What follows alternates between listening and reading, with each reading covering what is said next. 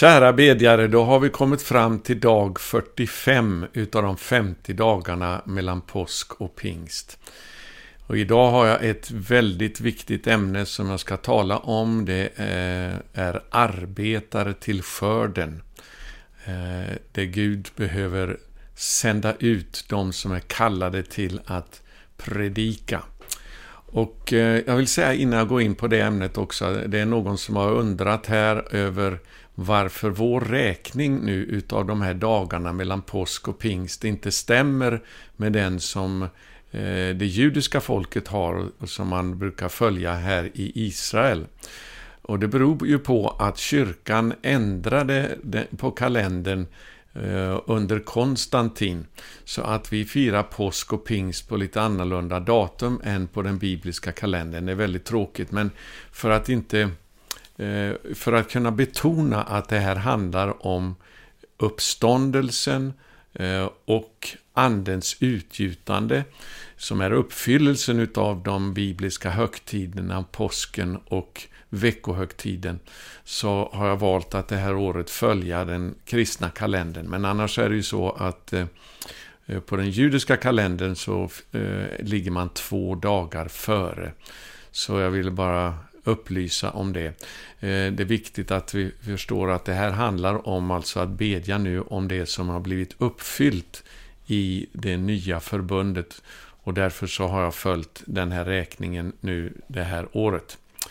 Nog om detta. Vi har kommit fram alltså till dag 45 nu utav, de här, eh, utav räkningen av de här 50 dagarna mellan påsk och pingst. Så jag ska börja med att läsa ifrån Apostlagärningarnas första kapitel återigen och ifrån vers 15. Vers 14 så står det ju om alltså hur de höll ut i endräkt i bön i den övre salen. Men så nämns någonting här utav Lukas från vers 15.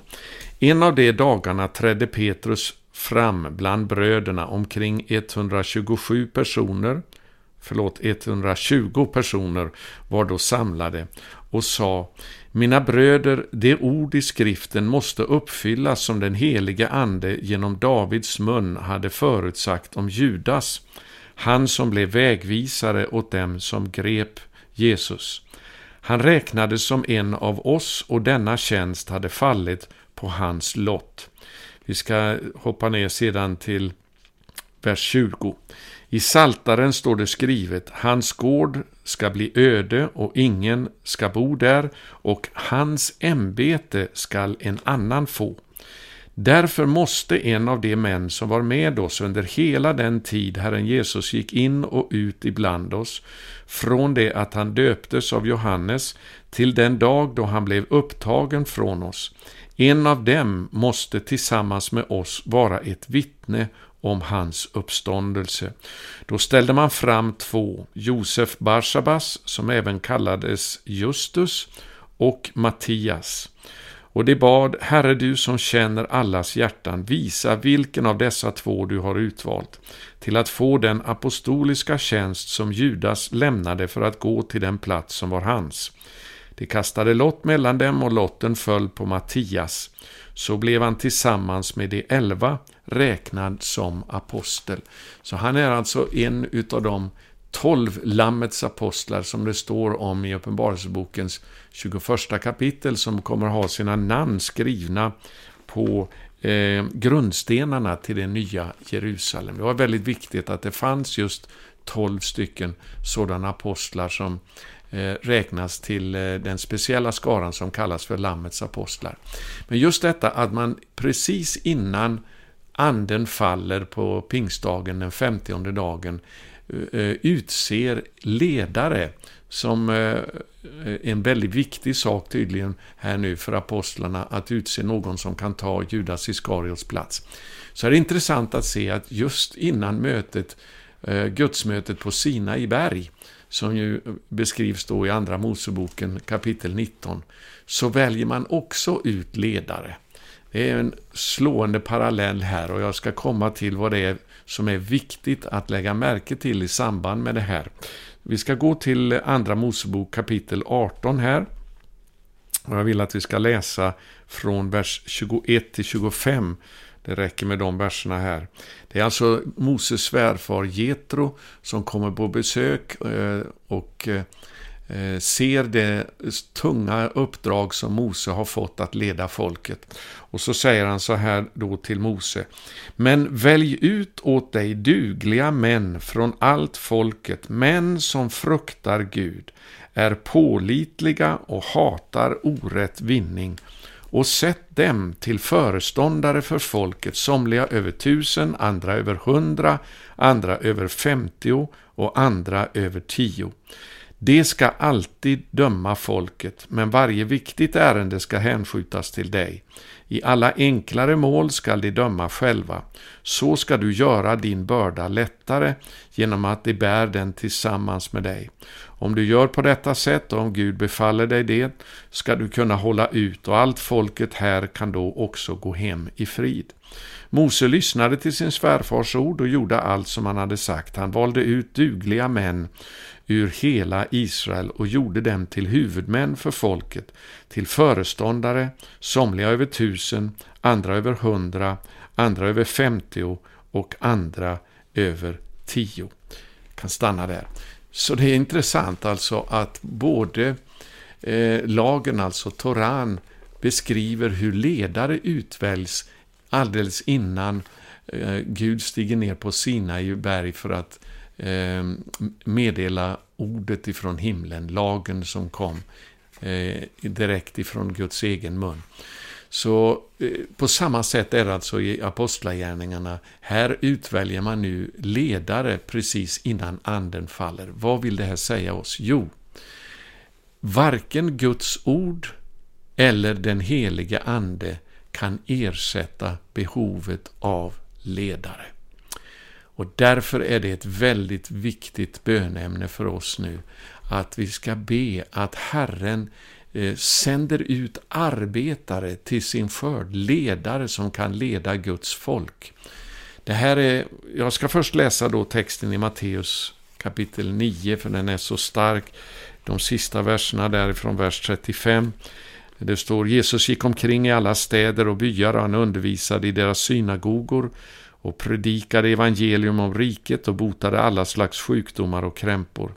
Och så står det, när han såg folkskarorna förbarmade han sig över dem eftersom de var rivna och slagna som får utan herde. Och han sa till sina lärjungar, skörden är stor, men arbetarna är få. Be därför skördens Herre att han sänder ut arbetare till sin skörd. Eller som det också kan översättas, att han driver ut arbetare till sin skörd. Det är de här som Jesus sänder ut för att vara hans sändebud, hans redskap för det stora skördearbetet. Det räcker alltså inte med Guds ord och den heliga Ande enbart. Det behövs också ledare sända av Herren själv. Jag ska titta också på texten i Efesebrevets fjärde kapitel. Det är ju eh, det kapitlet där Paulus talar om eh, Andens enhet och att behovet av att bevara Andens enhet i församlingen. Eh, men jag ska inte ta upp det just nu mer än att då börja i vers 7 att läsa vidare då i texten här. Men åt var och en av oss gavs nåden, allt efter den gåva som Messias mätte ut. Därför heter det han steg upp i höjden, han tog fångar och gav människor gåvor. Och så hoppar vi ner till vers 11. Och han gav några till apostlar, andra till profeter, andra till evangelister, andra till herdar och lärare. Det skulle utrusta det heliga till att utföra sin tjänst, att bygga upp Kristi kropp, tills vi alla når fram till enheten i tron och i kunskapen om Guds son, till ett sådant mått av manlig mognad att vi blir helt uppfyllda av Messias. Vi ska då inte längre vara som barn som kastas hit och dit av vågorna och som styrs bort av varje vindkast i läran. när människorna bedriver sitt falska spel och i sin list förleder till villfarelse. Vi ska istället i kärlek hålla fast vid sanningen och i allt växa upp till honom som är huvudet, nämligen Kristus. Så här ser vi att för att vi ska komma fram till enheten i tron och den fulla mognaden så behöver vi de här gåvorna som eh, Jesus vill sända ut till sin församling för att utbilda de troende, för att eh, bygga upp dem till att de kan också sedan själva uppbygga eh, Kristi kropp. Därför är det här behovet av ledare så oerhört betydelsefullt. För att vi ska komma in i endräkt eh, och den enhet som Gud har tänkt, så räcker det inte faktiskt med Guds ord och den heliga Ande, hur underbart det än är. Vi behöver också de här gåvorna som gör att vi kan komma fram till enheten i tron. Och jag hoppas att du får en längtan utifrån det jag säger här nu, att be att Gud ska sända sådana ledare till våra församlingar i Norden igen för att kunna bygga upp Kristi kropp i denna oerhört allvarliga tid och så att vi inte drivs hit och dit av varje vindkast i läran. Be därför skördens Herre att han sänder ut arbetare till sin skörd. Eh, jag ska nämna också ett bibelställe ifrån Jesajas första, första kapitel som hänvisar till det här utväljandet av ledare som vi läste om i Andra Mosebok 18, precis före gudsmötet på Sinai berg.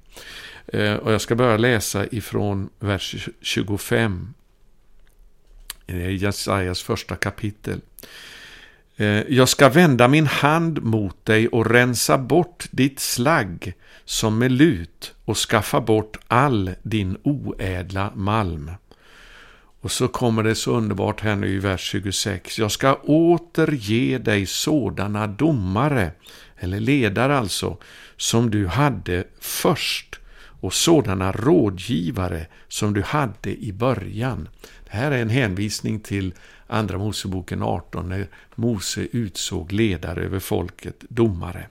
Därefter, står det sedan då, ska du kallas rättfärdighetens stad, den trogna staden. Det är alltså när vi har fått ledare efter Guds hjärta, det är då vi kommer att kunna kallas för rättfärdighetens stad, den trogna staden. Genom rätt ska Sion friköpas, genom rättfärdighet det som vänder tillbaka, eller de som omvänder sig. O, oh, hur vi behöver detta ledarskap idag, vänner. Och det här är den, det här löftet som det står i vers 26 här nu om domare eh, att Gud ska ge domare som du hade först och rådgivare som du hade i början. Det ingår i den dagliga bönen bland det judiska folket som man beder två gånger varje dag, året runt, år efter år efter år, så beder man Gud om rättfärdiga ledare. Och det behöver vi göra i vår tid nu. Innan anden faller så att säga, och eh, det blir en andeutgjutelse. Därför att när den heliga ande faller så kommer det att behövas så mycket visdom bland ledare till att leda in eh, de troende, leda församlingen in på rätt väg. Så att det inte bara handlar om eh, den heliga andes utgjutande, utan det också finns ledare. Så det här är så oerhört viktigt att vi ska be för. Och då vill jag till slut här nu av eh, sluta med att läsa Apostlagärningarnas sjätte kapitel, eh, vers 2 till och med 4. Och det här är favoritverser på något sätt som jag måste säga som jag har personligen. Jag har en som börda för just det här. Vi ska läsa eh, från vers 1 för sammanhangets skull. Vid den tiden då antalet judar ökade började de grekisktalande judarna klaga på de infödda judarna över att deras änkor blev förbisedda vid den dagliga utdelningen. Här ser vi alltså ett problem som uppstår mitt i den mäktiga andeutgjutelsen som pågår då församlingen ökar dag för dag med de som blir frälsta. Problem kommer alltid att uppstå och finnas och då behövs det ledare. Eh, vers 2. Då kallade de tolv till sig alla lärjungarna och sa Det är inte bra, alltså de tolv apostlarna då. Här ser vi att Mattias, Mattias var en av de tolv. Eh, som nu räknades som apostel. Det är inte bra att vi försummar Guds ord för att göra tjänst vid borden. Nej, bröder, utse bland er sju män som har gott anseende och är uppfyllda av ande och vishet, så att vi ger dem den uppgiften. Och sen står det då här i vers 4 så underbart. Själva skall vi då ägna oss åt bönen och åt ordets tjänst. I den äldre svenska översättningen så stod det själva ska vi då helt ägna oss åt bönen och åt ordets tjänst. Är det något som vi har behov av i vår tid så är det människor som har blivit sända av Gud till att predika och helt ägnar sin tid åt bönen och åt ordets tjänst. Jag vill påminna här om ett eh, uttalande av den kände väckelseförkunnaren Leonard Ravenhill som nu är hemma hos Herren som eh, fällde det uttalandet en gång. Han sa att den predikant som inte tillbringar minst två timmar varje dag i bön, han är värdelös för Guds rike.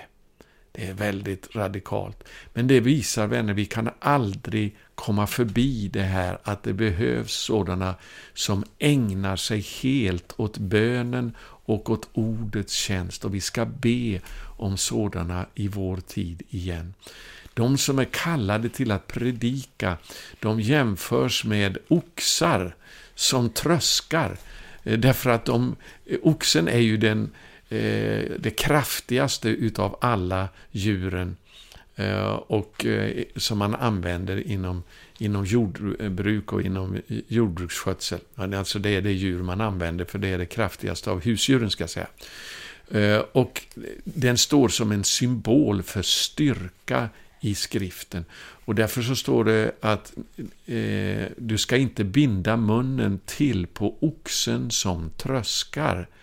Och Paulus han säger det här är skrivet med tanke på oss som förkunnar Guds ord att eh, de ska bli, få det underhåll de behöver, därför det är ett hårt arbete att predika och undervisa i Guds ord. Och därför säger han också att de äldste som eh, predikar och undervisar, de är värda dubbel heder.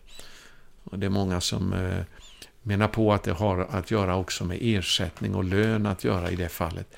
Hur som helst, det här med att predika Guds ord, att undervisa i Guds ord, det liknas i skriften vid ett hårt arbete som en oxe gör som tröskar. Och det måste rätt uppskattas. Paulus skriver, eh, eh var noggranna med att ni rätt uppskattar era ledare och som förmanar er i Herren och visar dem all heder. Vi måste be, vänner, att vi får ledare efter Guds hjärta, arbetare till skörden, predikanter som helt ägnar sig åt bönen och åt ordets tjänst, så att vi kan föras in i den fulla mognaden och in i trons enhet och växa upp till Kristi fullhet, till Messias fullhet, så att eh, han blir synlig i församlingen. Så låt oss be för det här. Fader i himmelen, jag ber att du ska sända arbetare till skörden. Att du reser upp sådana som är kallade till att predika och undervisa ditt ord. Och jag ber dig om eh, en mottaglighet för dessa Herrens tjänare, en respekt, en heder som du reser upp i Kristi kropp till att rätt uppskatta sådana som är kallade till att predika och undervisa. Och vi ber dig om sådana rätta ledare som är pålitliga, som är dugliga, som fruktar dig och inte fruktar människor och som också är fria ifrån eh, själviska begär och egenvinning, som inte skor sig på, på jorden utan lägger ner sina liv för fåren. Vi längtar efter att få se mognaden i församlingen i denna sista tid, Herre. Vi vill se en härlig församling växa fram i Nordens länder och nu ber vi, Herre, att du driver ut sådana arbetare till skörden som är ledda av den heliga Ande och som kan skrifterna, som studerar skrifterna, så att vi genom den heliga Ande och Guds ord kan få se denna mognad i församlingen. Vi ber om detta nu, Fader, jag ber om att vi ska få eh, lyda ditt ord. Där vi är befallna att be skördens Herre om sådana arbetare i Jesu välsignade namn. Tack för att vi vill vara med i denna bön och ropa av hela ditt hjärta om denna, eh, dessa ledare, bibellärare, pastorer, evangelister, apostlar, profeter. Ja, dessa gåvor behöver vi i vår tid i Norden för att församlingen ska resa sig och bli uppbyggd i, Guds, i kraft. Det här kräver den här födslovåndan i bönen som vi har talat om, där vi får föda fram sådana här tjänare som Gud kallar, som helt ägnar sig åt bönen och åt ordets tjänst. Speciellt så gläder jag mig över er som nu är samlade till bön varje kväll Eh, både i Sverige, Norge, Danmark och Finland. Och speciellt då på Gärdebygården utanför Rättvik. Gud välsigne er. Nu börjar vi också med bönevakt dygnet runt på Gärdebygården och det är inte för sent att vara med oss i den avslutande helgen nu under pingsten, då vi avslutar med en bönenatt på pingstafton. Det ska dundra från himlen igen över våra länder i norr med en våldsam storm ifrån himmelen där den heliga Ande ska falla över oss på nytt. Gud välsigne dig som beder. Tack för att du står med.